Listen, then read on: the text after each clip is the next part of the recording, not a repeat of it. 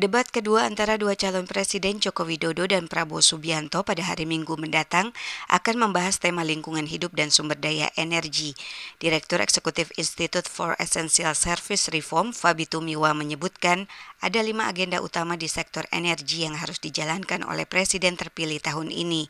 Kelima agenda itu terkait pembenahan tata kelola sektor energi dalam jangka panjang.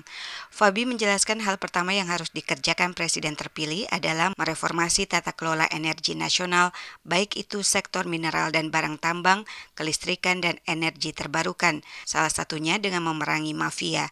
Dia mengakui di awal pemerintahan Presiden Joko Widodo sudah mulai memberantas mafia migas, namun pekerjaan ini belum rampung. Masih terjadi kebocoran penerimaan negara di sektor minyak dan gas, juga di industri batu bara. Fabi menekankan perbaikan tata kelola industri energi nasional ini sangat penting karena menyangkut kepentingan orang banyak. Agenda kedua yakni ketahanan dan keamanan pasukan energi buat jangka panjang dengan melakukan transisi sistem. Untuk presiden terpilih perlu kita mulai memikirkan bagaimana Indonesia mulai keluar dari jeratan fossil fuel caranya dengan pembangunan energi bersih, energi ter, energi terbarukan. Nah, tetapi kan itu nggak bisa dilakukan dalam jangka pendek, harus disiapkan secara bertahap gitu. Nah, tapi kalau nggak dimulai, kita akan ketinggalan.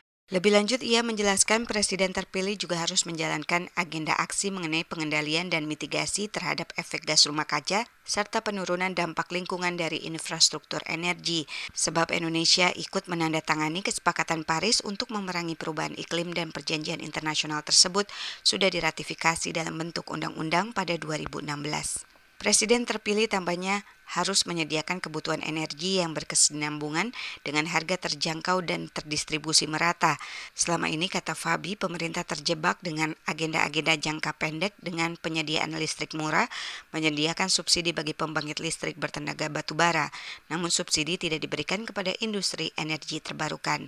Agenda kelima yaitu peningkatan investasi di migas, listrik untuk energi terbarukan.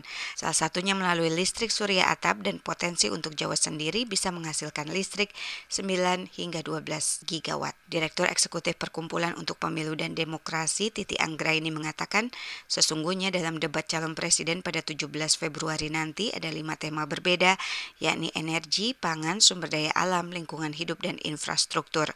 Dia berharap dua kandidat presiden mampu konsisten dan fokus pada visi misi serta program sehingga debatnya nanti tidak akan berlangsung seperti debat pertama di mana pasangan calon cenderung bermain aman dan fokus pada pada narasi-narasi populer, tetapi pendalaman materi kampanye gagal.